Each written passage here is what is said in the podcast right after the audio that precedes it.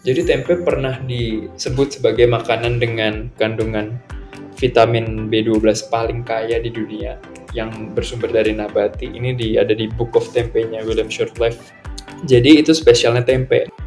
Nah, setelah difermentasi jadi tempe, si zat bioaktifnya ini semakin banyak dan semakin kuat.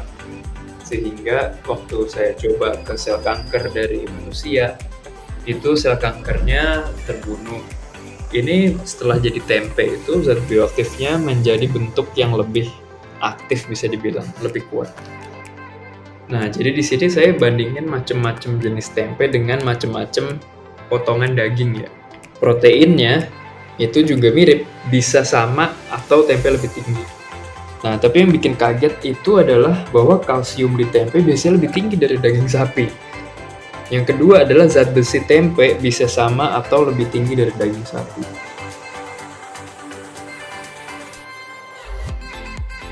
Halo semuanya, selamat datang lagi di podcast Sehat Seutuhnya bersama saya Will Yonas.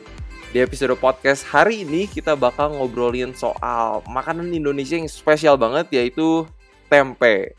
Nah, tempe ini selalu saya bilang secara pribadi itu sebagai superfood makanan dari Indonesia uh, karena itu manfaatnya banyaknya banyak banget dan salah satunya uh, tempe itu karena dari kacang kedelai pastinya tinggi serat dan ini adalah salah satu kesukaan dari mikrobiota usus kita yang itu dapat mencegah kita dari banyak penyakit tidak menular kayak diabetes, hipertensi dan yang lainnya. Nah, tapi kan itu baru sedikit aja tuh manfaat dari tempe dan sebenarnya masih banyak banget yang lain manfaatnya. Dan hari ini bersama saya sudah ada seorang ahli tempe dan juga seorang ahli teknologi pangan dalam menyelesaikan PhD atau uh, pendidikan S3-nya dari University of Massachusetts Amherst di Amerika Serikat, dia membuat sebuah penelitian terupdate, terbaru, sebuah systematic review mengenai tempe yang sekarang itu sudah di-accept untuk dipublikasikan. Jadi uh, mungkin ketika podcast ini dikeluarkan, mungkin penelitiannya uh, sudah akan keluar, kita akan kasih link dari penelitian soal tempenya di uh, notes di podcast ini dan juga di Instagram. Nanti teman-teman bisa baca langsung sendiri penelitiannya. Dia ini adalah seorang co-founder dari Tempe Movement dan juga perusahaan Better Nature yang ada di Inggris. Pokoknya narasumber kita udah tahu luar dalamnya soal tempe deh gitu kan. Dan saya jamin setelah teman-teman dengar podcast kali ini, teman-teman bakal menjadi bangga uh, sebagai orang Indonesia yang punya makanan tempe dan juga kayaknya akan mengkonsumsi tempe lebih sering. Jadi tanpa menunda-nunda lagi, saya mau welcome Dr. Amadius Driando Ahnan Winarno. Halo Ando. Halo Willy. Gimana kabar Dok? Baik, baik. Makasih banget nih udah diundang ke podcast Sehat Seutuhnya. Thank you, thank you banget willingness-nya. Um, karena ini apa yang Ando teliti, apa yang Ando kerjain di Tempe Movement Better Nature kayaknya nyambung banget gitu sama yang aku lakuin ya mempromosikan kesehatan gitu. So thank you so much, thank you so much. Keren ini, banget juga nih proyek-proyeknya Willy. Iseng-iseng berhadiah lah ya. ini pengen tanya, pengen tanya nih dok, dari maksudnya dari banyak banget bahan pangan gitu kan uh, di dunia di Indonesia. Uh, tapi kenapa sih Ando itu memilih untuk meneliti soal tempe, apalagi di di kuliahnya di PhD yang terakhir nih S3 ini kenapa sih tempe do daripada bahan pangan yang lain? Nah sebenarnya awalnya tuh karena ya sama kayak Willy ya iseng-iseng berhadiah gitu. Dulu terobsesi banget sama yang namanya bodybuilding dengan hmm. ingin memperoleh massa untuk setinggi-tingginya, merendahkan massa lemak serendah-rendahnya gitu kan. Cobain right berbagai macam sumber protein. Ini tuh berarti sekitar 9 tahun lalu ya waktu kuliah S1. Dan hmm. nyobain tuh tiap hari makan daging ke bangkrut juga dan enak juga. tiap hari makan telur, enak juga dan jerawatan. Tiap hari makan susu emang dari sananya alergi. Jadinya terus apa gitu ya, mau susu bodybuilding gitu juga jerawatan dan bangkrut juga lagi-lagi. Right. Jadi dengan ilmu meneliti di bioteknologi kita lakukanlah studi literatur cari di internet di Google Scholar gitu apa sih yang bagus sumber protein ternyata banyak data ilmiahnya yang bilang bahwa tempe itu bagus karena proteinnya memang tinggi bisa hampir hmm. setara sama daging sapi terus lemaknya rendah dan karbohidratnya rendah. Jadi di pikiran saya waktu itu lagi pengen bodybuilding, wah ini cocok banget. Apalagi setelah dicari lebih lanjut, vitamin mineralnya juga oke okay banget, termasuk vitamin B12 yang dibutuhin dalam diet yang nabati 100%. Hmm. Nah, cuman waktu saya cerita ke teman-teman saya buat bodybuilding tuh mereka nggak percaya. Karena mungkin gimana ya, mereka mengasosiasikan bodybuilding tuh sebagai sesuatu yang lebih keren atau kekinian tapi tempe tuh enggak gitu karena right, right. desa gitu kan saya jadi gemes lah jadi gemes padahal data ilmiahnya tuh beneran sah gitu ya datanya kuat hmm. mulai dari itu saya mikir wah nih harus ada edukasinya membuatlah tempe movement dan dari situ semakin digali semakin kelihatan bahwa tempe ini banyak orang yang nggak melihat potensinya meskipun fondasi ilmiahnya kuat. Jadilah diterusin sampai S3. Wow, menarik menarik banget. Dan kayaknya kalau aku lihat uh, keluarga Ando juga kayaknya dari opahnya Ando, dari mamahnya Ando, kayaknya semua berkecimpung di dunia teknologi pangan gitu. Nah, apakah mereka juga jadi tertarik soal tempe itu karena Ando uh, punya interest soal tempe terkait bodybuilding gitu? Nah sebenarnya bukan karena saya ya, tapi karena sebenarnya karena banyak sekali kebetulan yang mengarahkan kita bertiga, jadi kakek, ibu saya dan saya mendirikan tempe movement. Jadi kakek saya kan dari dulu udah menekuni pangan ya, bahkan dia udah dapet gelar penghargaan sebagai bapak teknologi dan ilmu pangan Indonesia gitu. Hmm. Nah, waktu itu kebetulan waktu saya lagi berapi-apinya tempe ini, beliau itu menghadiri orasi ilmiah profesor lain, ternyata tempe untuk ini apa? mikrobiota usus. Hmm. Nah, terus uh, ibu saya juga waktu itu lagi kuliah S2 di di Atmajaya juga, waktu itu saya di Atmajaya. Dosennya lagi bahas khasiat tempe yang lainnya sebagai makanan fermentasi. Kebetulan malam itu kita semua tumprek di meja makan gitu ya. Jadi ngobrolin uh. tempe dengan arah masing-masing. Dari situ kita mikir, wah kayaknya kita harus bikin sesuatu. Kemudian kakek saya ide bikin conference, saya ide bikin conference buat anak mudanya. Ternyata hmm. dari conference itu banyak pihak yang mendukung dan sayang kalau nggak dilanjutin jadi movement. Jadi dari situ hmm. sebenarnya kita bertiga dari apa arah masing-masing. Wow, menarik menarik banget. Dan akhirnya dari situ ya terlahirlah tempe movement itu ya sampai sekarang ya. Iya betul. Wow keren keren. Dan aku jujur setelah uh, aku tuh dengar tempe movement 2018 pas aku waktu itu lagi kerja praktik di Washington DC dan aku udah aware gitu ada tempe movement. Aku dikasih tahu juga sama orang kedutaan Indonesia kan waktu itu di situ. Oh kamu plant base gitu kan? Eh, harus kenal deh katanya sama Ando gitu katanya ini bikin tempe movement dan lain-lain. Eh baru kenalan di 2021 menarik banget. Dan uh, aku akhirnya jadi bikin tempe nih tiap ha tiap minggu pasti bikin tempe dan udah terracun nih sama tempe movement eh kemarin tuh kacang apa sih yang dibikin oh iya waktu itu uh, kalau yang tahu lihat di Instagram uh, aku bikin uh, tempe waktu pertama kan nyobain dari garbanzo beans ya. Hmm. Yang kedua itu aku bikin pakai green split peas. Oh, wow. Dan itu rasanya enaknya enak banget. Dan itu jadi salah satu itu favorit aku banget sekarang. itu enak banget. Parah. nah, Do, ini tempe itu sebenarnya punya arti nggak sih? Dan uh, kalau aku lihat tempe movement uh, itu juga kayaknya kalau dulu pemikiran aku tuh tempe itu hanya dari kedelai dan ternyata kayaknya enggak gitu. Kira-kira gimana tuh? Apa ada nggak sih arti tempe? Nah, kalau jadi nama tempe sendiri kalau didaftarkan secara regulasi ya di dunia itu memang hanya merujuk pada tempe kedelai. Kalau yang bukan dari kedelai mesti ditambahin di akhirannya. Misalnya tadi tempe garbanzo gitu.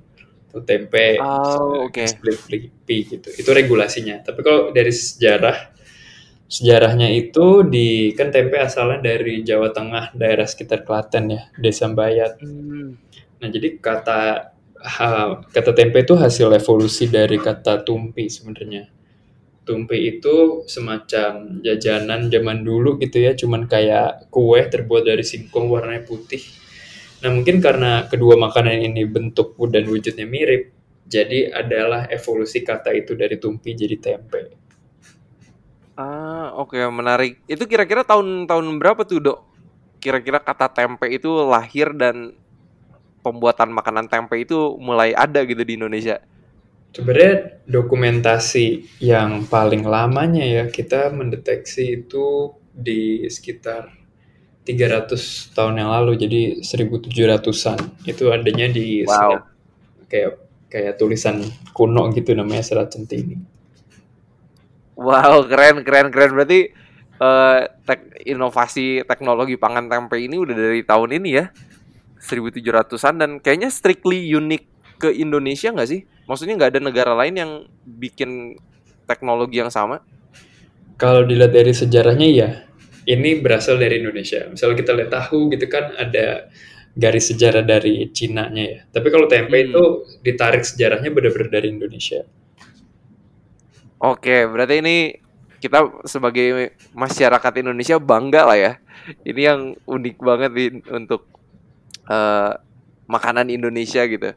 Dan sebelum eh, kita ngobrolin penelitiannya yang Ando lakukan nih eh, untuk PhD-nya, inovasi tempe yang Ando udah pernah bikin apa aja sih, Dok? Yang mungkin kayak unik banget, yang sampai aneh banget idenya. Kira-kira apa aja tuh, Dok?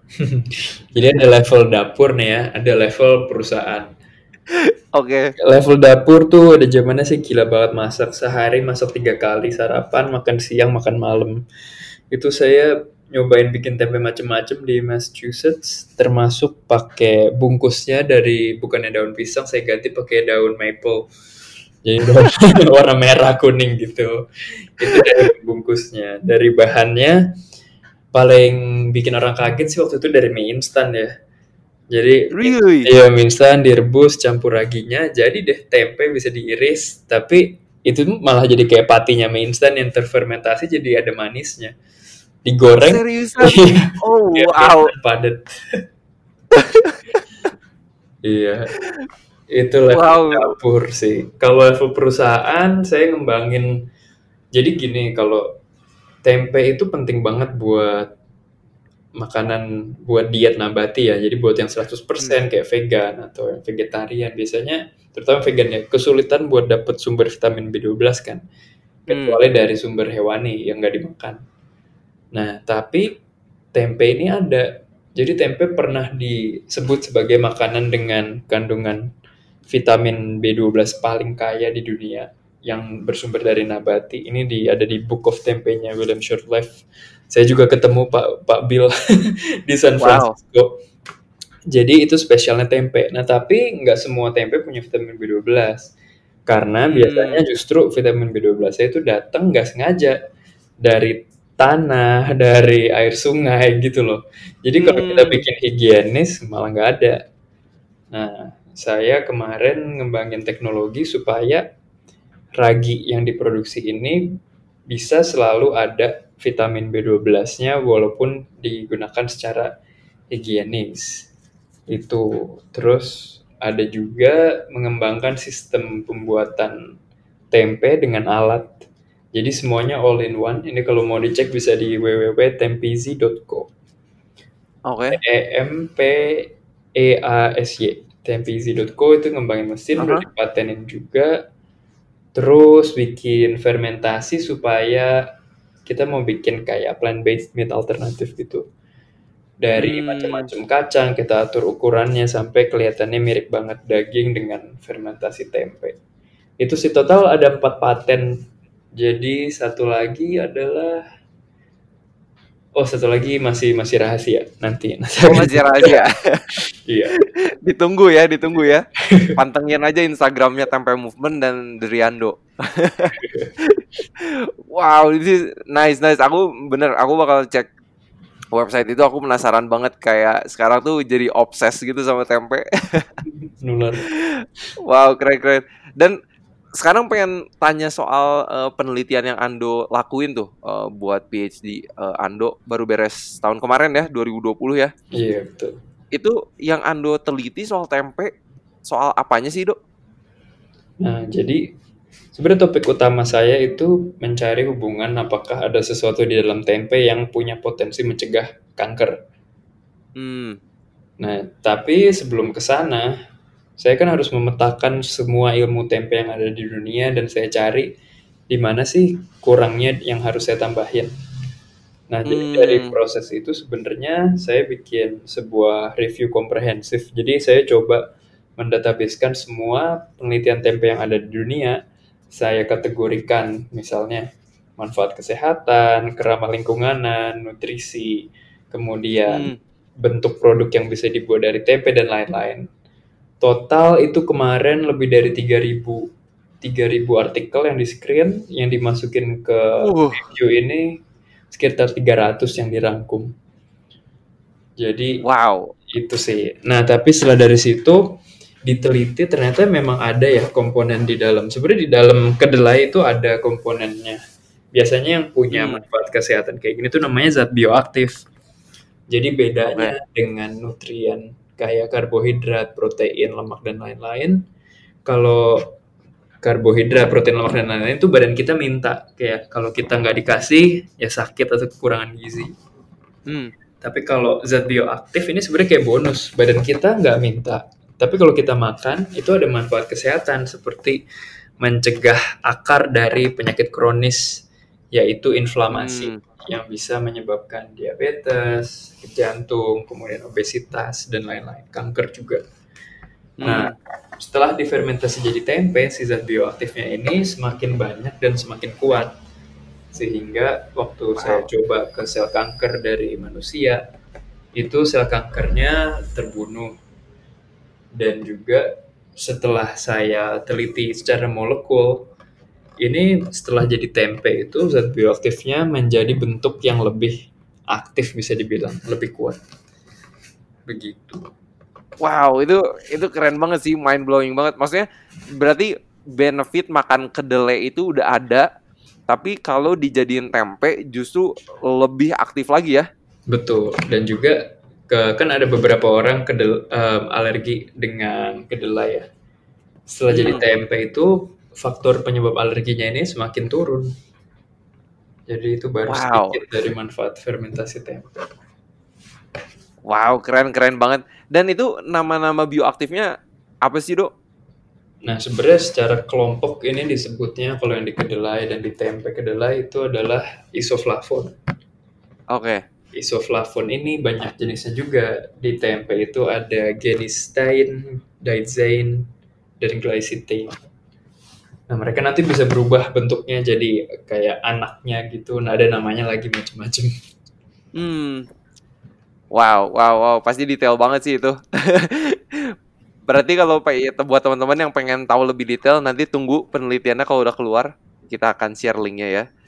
Nah ini, eh, sedangkan kayaknya maksudnya kalau penelitian Ando justru nunjukin bahwa tempe itu bisa memiliki bioaktif-bioaktif yang mencegah kanker atau melawan kanker. Em, sedangkan banyak orang yang maksudnya di luaran takut gitu makan kedelai karena ya bisa bikin justru memicu kanker gitu. Itu gimana tuh dok? Nah, sebenarnya penelitian itu tuh nggak belum ada, maksudnya klaim bahwa kedelai bisa menyebabkan kanker itu belum ada dasar ilmiah yang kuat. Mungkin itu tuh datang dari dugaan orang karena kebetulan si zat bioaktif ini itu disebut juga fitoestrogen. Artinya Hmm. ini tuh mirip estrogen manusia yang banyak diproduksi perempuan, tapi datangnya dari fito yaitu tanaman. Nah, padahal ini tuh generalisasi aktivitas si fitoestrogen ini tuh beda dengan aktivitas estrogen manusia. Memang ada miripnya, tapi Hmm. beda dari segi skala. Dan bahkan sesungguhnya kalau kita makan fitoestrogen itu bisa membantu meregulasi reaksi kita terhadap estrogen karena si bagian badan kita yang merespon si zat ini udah ketutup sama fitoestrogen duluan sebelum kena sama estrogen dan bereaksi sama itu gitu jadi Hmm. sebenarnya itu nggak ada dasar ilmiah yang kuat buat mendukung klaim bahwa kedelai bisa menyebabkan kanker nah tapi khusus untuk yang menderita kanker selalu ada baiknya konsultasi dengan ahli kesehatan masing-masing Hmm. Oke oke, semoga ini uh, informasi yang membuka wawasan juga buat teman-teman yang mungkin selama ini uh, ya dengar-dengar rumor bahwa uh, apa kedelai ini dapat menyebabkan kanker dan yang lain-lainnya. Tapi hari ini kita langsung dapat dari narasumber yang udah meneliti tempe nih. Nah, dok kalau misalnya uh, ngobrolin sebelum ngomong ke nutrisi tempe ya dibandingin dengan kayak protein hewani lainnya, kalau tempe secara sustainability atau uh, keramahan lingkungan itu gimana sih dok? nah kita udah tahu ya bahwa tempe kan dari kedelai kalau kita hmm. makan daging sapi misalnya, kita harus nanam kedelai dulu, kita panen, kita masih kasih makan ke sapi, sapinya harus tumbuh dulu baru baru dimakan. Hmm. Nah, ini dari dari pemikiran kayak gini aja udah jelas banget mana yang menyerap sumber daya bumi lebih banyak kan dari siklusnya. Hmm. Nah, tapi buat secara angka pastinya ini kita ada dua parameter. Yang pertama itu tentang emisi. Maksudnya seberapa banyak sih karbon dioksida yang diproduksi antara kedelai dibanding dengan eh, antara tempe dibanding dengan daging sapi. Nah, yang kedua ini parameternya adalah penggunaan energi. Nah, berapa okay. satuan energi kita pakainya kilojoule di sini untuk menghasilkan satu unit tempe dibandingkan dengan daging sapi. Hmm. Nah, ini kalau dilihat ini saya sambil lihat dulu ya.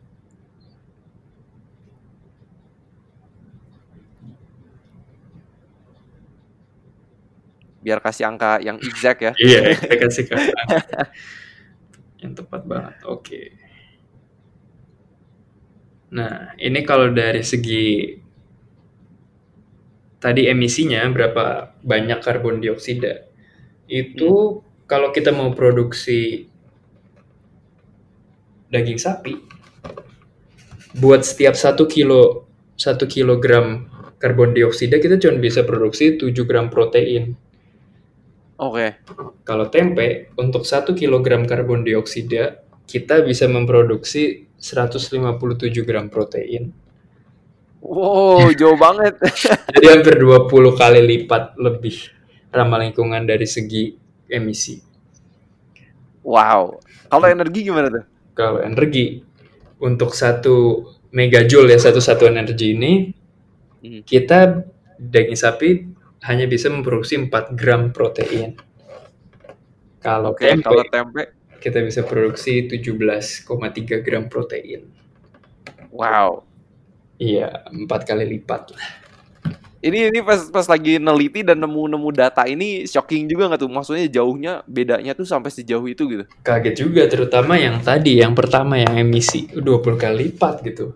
Sebelumnya hmm. saya kira ya 10 kali lipat udah tinggi lah tapi ternyata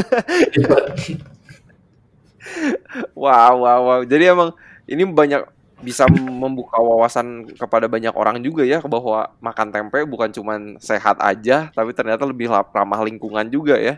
Iya bener banget. Jadi istilahnya wow. ya daripada umur bumi kita habis cepet-cepet buat makan makanan yang sebenarnya nggak terlalu sehat buat kita kenapa nggak makan tempe aja gitu tiap hari? Right bener bener bener. Dan kalau ngomongin nutrisi tempe nih dok, kayaknya kan dari systematic review Anda juga ada soal ngebandingin nutrisi ya, nutrisi tempe dibandingin daging, daging sapi, daging ayam. Itu gimana tuh dok? Nah, jadi di sini saya bandingin macam-macam jenis tempe dengan macam-macam potongan daging ya. Jadi hmm. saya rata-rata semuanya dan hasilnya adalah uh, jumlah energi tempe dan daging tuh mirip. Dan okay. proteinnya itu juga mirip, bisa sama atau tempe lebih tinggi.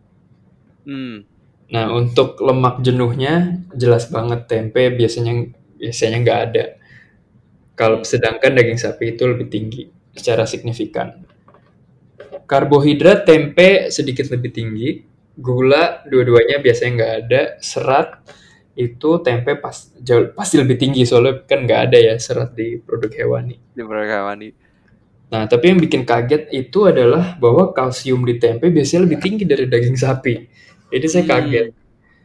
Yang kedua adalah zat besi tempe bisa sama atau lebih tinggi dari daging sapi. Wow. Terus untuk sodium atau garam itu tempe jelas biasanya nggak ada. Daging sapi tinggi. Nah, hmm. buat vitamin B12 juga ternyata daging sapi itu nggak konsisten selalu ada juga. Really? Iya. Wow, menarik juga nih. baru tahu, baru tahu. Makanya.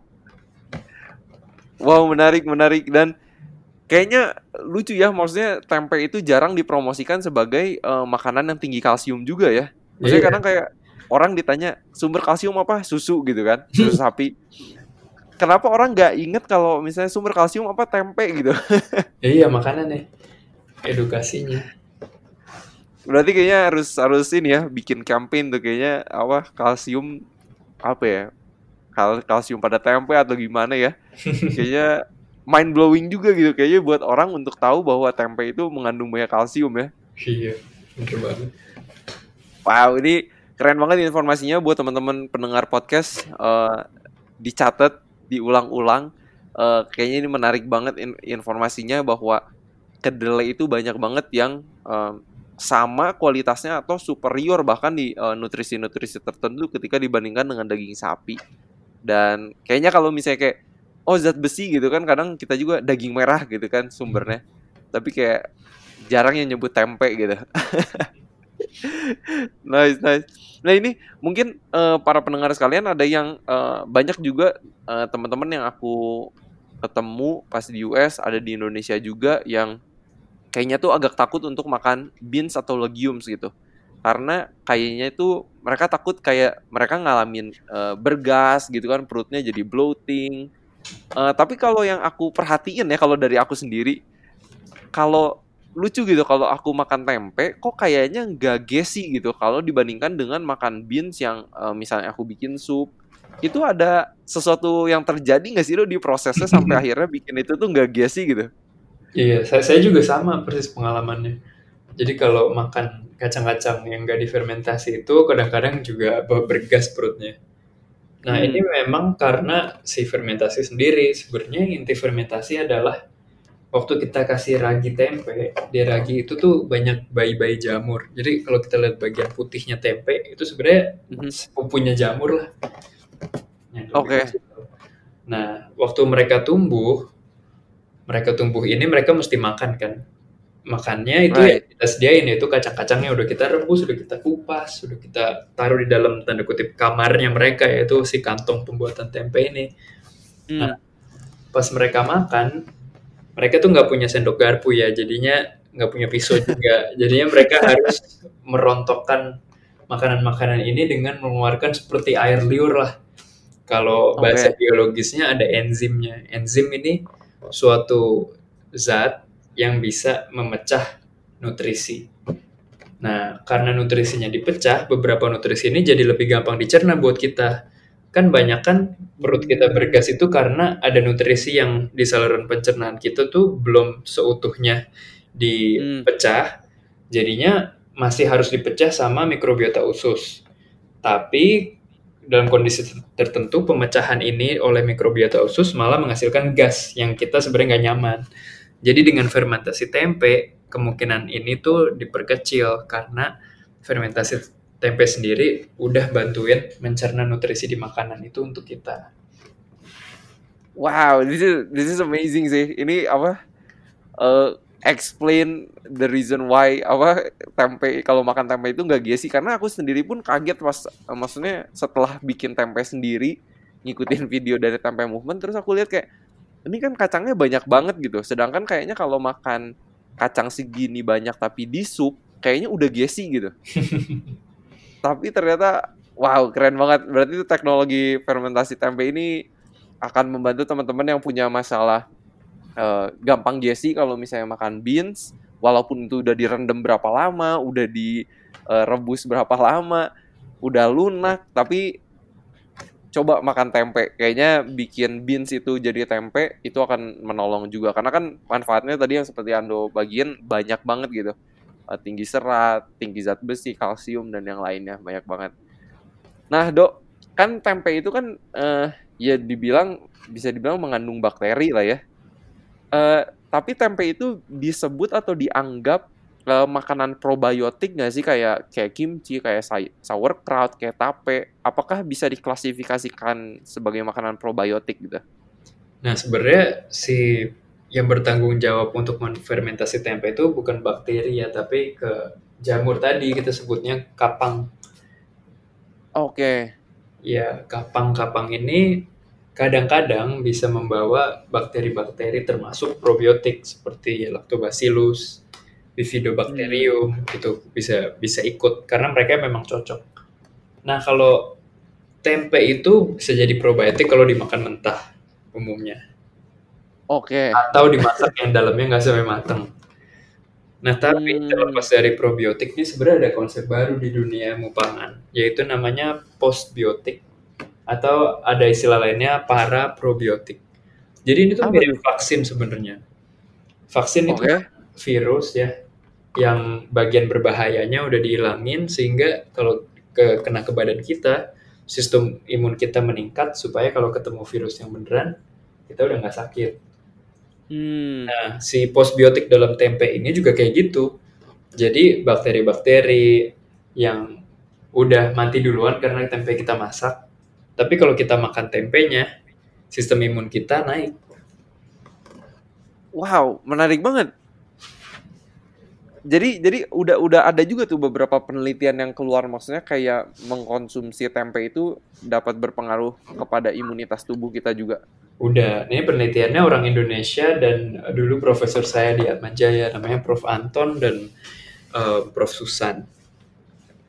Wow, asli keren banget sih ini, keren banget.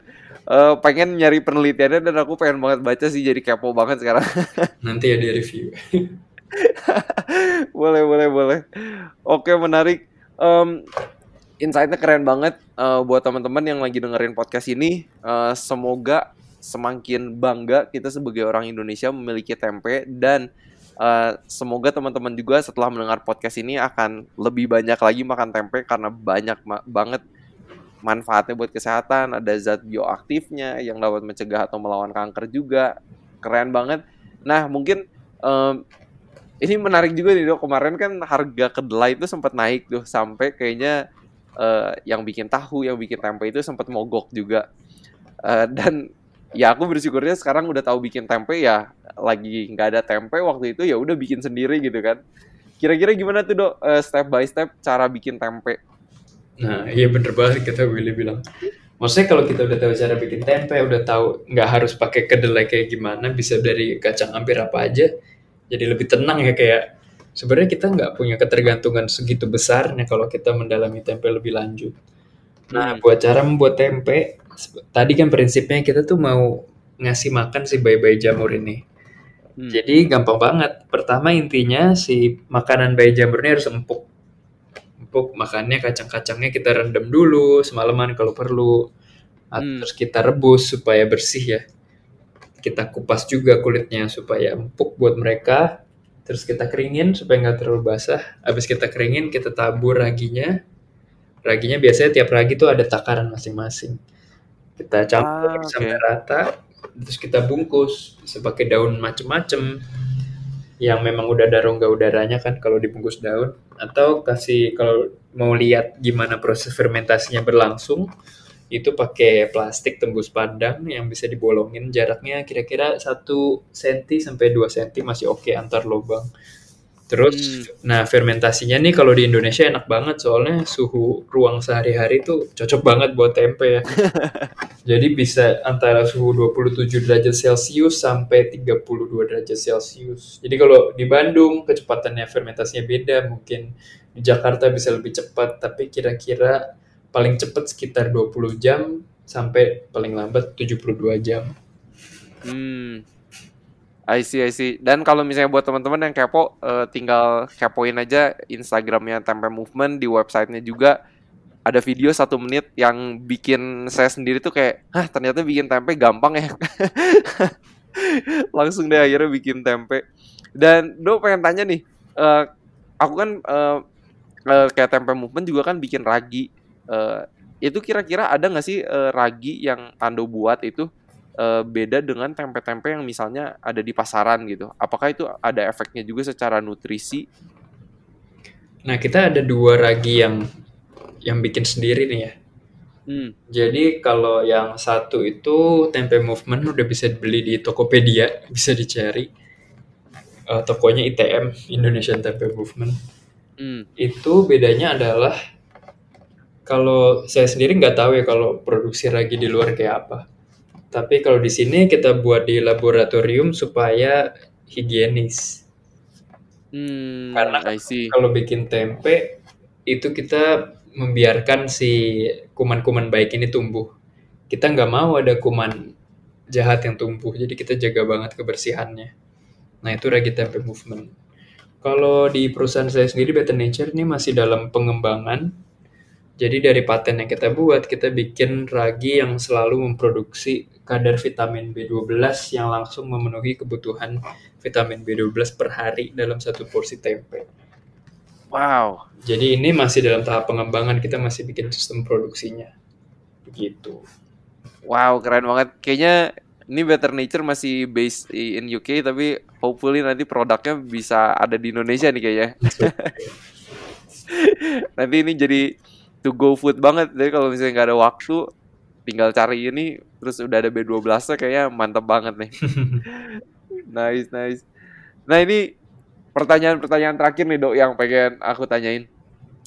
Resep tempe apa sih yang Ando paling sering buat dan apa yang paling enak dan apa yang paling gak enak yang pernah Ando cobain? Oke. Resep tempe yang enak dulu ya. Saya tuh biasanya kalau di Amerika atau di Eropa, kan mereka selera makanannya beda ya. Hmm. Ya mungkin apa ya kalau kita kasih tempe goreng, saya sih suka tempe goreng. Cuman buat mereka kayak mereka nggak mau lihat makanan masuk ke dalam minyak yang sampai ngeredam gitu loh kayak Iya, iya, iya. ya kan jadinya saya bikin sesuatu yang lain biasanya tuh saya bikin saya namanya tempe bites jadi buat di Oke. Instagram saya bikin account resep tempe juga namanya tempe pakai H ejaan Inggris tempe dot recipes Hmm. itu di Instagram. Itu saya kasih juga resepnya. Di situ saya bikin kayak ide saya adalah gabungin beberapa tekstur di dalam makanan ini supaya saling melengkapi. Jadi lapisan paling bawah itu adalah kepingan dari semacam taco ya. Taco tapi dari pakai jagung jagung yang ungu Oke. terus saya kasih kayak guacamole-nya dari resep Amerika Selatan Hmm. Itu isinya alpukat dicampur sama bawang merah sama tomat sedikit cabai juga Hmm. terus saya kasih resep tempe orek saya yang dimodifikasi dimodifikasinya ada sedikit sentuhan Chinese foodnya gitu ya karena ada pakai em, saya pakai semacam vegan vegetarian kayak oyster sauce cuman yang versi Oke. plant-nya Hmm. terus soy sauce juga Nah, di atasnya saya kasih salsa lagi, salsa makanan Amerika Selatan juga, yaitu Hmm. tomat caca, ada silantronya juga. Terus saya kasih sedikit sambal sambal ulek Indonesia gitu yang bahannya cuman cabai, rawit sama, sama bawang putih dikit gitu. Hmm. Nah, biasanya saya kasih edible flower habis itu supaya tamu-tamu pada impress. Biar cantik aja gitu ya. Cita-citanya adalah pas dimakan makanan itu kan teksturnya beda banget kan, kayak di yang paling bawah Hmm. garing, habis itu creamy, habis itu meaty, habis itu ada segera salsa, terus ada sedikit nendang pedesnya dari sambal, udah gitu. Orang-orang suka tuh. Suka banget. yang itu paling Wow. paling. Itu itu keren banget sih maksudnya resep yang mencampurkan eh, gaya style makan dari banyak negara gitu. Iya terinspirasi teman-teman juga yang dari macam-macam negara. Nice, nice, nice. Itu buat teman-teman yang lagi denger podcast bisa dicoba. Saya juga jadi pengen nyoba. Nanti langsung cek di Instagramnya tuh tempe.recipes ya. Hmm. Kalau Eh, resep tempe Kenapa? Resep tempe paling gak enak nih. Nah ini gimana nih? Jadi dulu tuh saya waktu terobsesi bodybuilding itu kan saya ikut namanya tempe challenge. Hmm. Jadi hashtag tempe challenge. Itu saya maksain waktu itu ada satu periode juga saya beneran nggak mau makan minyak gitu ya. Bener menghindari Oke. minyak. Jadi tuh saya cuman makan tempe udah dibumbuin bacem. Kalau bacem kan Hmm. habis dibumbuin bacem digoreng lagi ya atau minimal Hmm. dimasak lagi lah. Ini enggak Betul. gitu. Jadi tempe rebus aja pakai bumbu bacem gitu kayak kurang kurang lengkap sih kayak menyalahi resep tradisional itu rasanya. oh wow, that's funny. Soalnya kan ada beberapa uh, orang-orang yang tetap prefer kayak tahu gitu kan, karena uh, tempe itu kayaknya ada apa ya, ada rasa yang uniknya gitu. Hmm. Um, dan kayaknya harus dibumbuin segala macam rupa sampai akhirnya rasanya tuh hilang gitu. Nah itu kalau kalau Ando gimana tuh e, cara ngilangin rasa uniknya tempe itu sendiri tuh dok? Itu bener banget sih, terutama tempe di Amerika gitu. Tempe di Amerika entah kenapa ada rasa apa ya rasa aftertaste-nya rada pahit dan itu kuat gitu. Jadi solusi nomor satu sih kalau digoreng, kalau digoreng itu biasa hilang Iya. Iya. Benar-benar.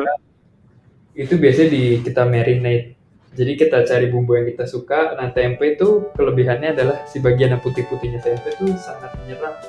Jadi kalau kita hmm. rendam di bumbu misalnya semalaman, itu masuknya enak banget ke tempe dan biasanya bisa nutupin rasa itu. I see, I see. Jadi si bagian putihnya itu menyerap ya? Iya. Oke, bener-bener bener. Kayaknya kalau tahu kan kayaknya harus digodok gitu kan lama banget. Iya. Sampai akhirnya kayak lebih nyerap gitu.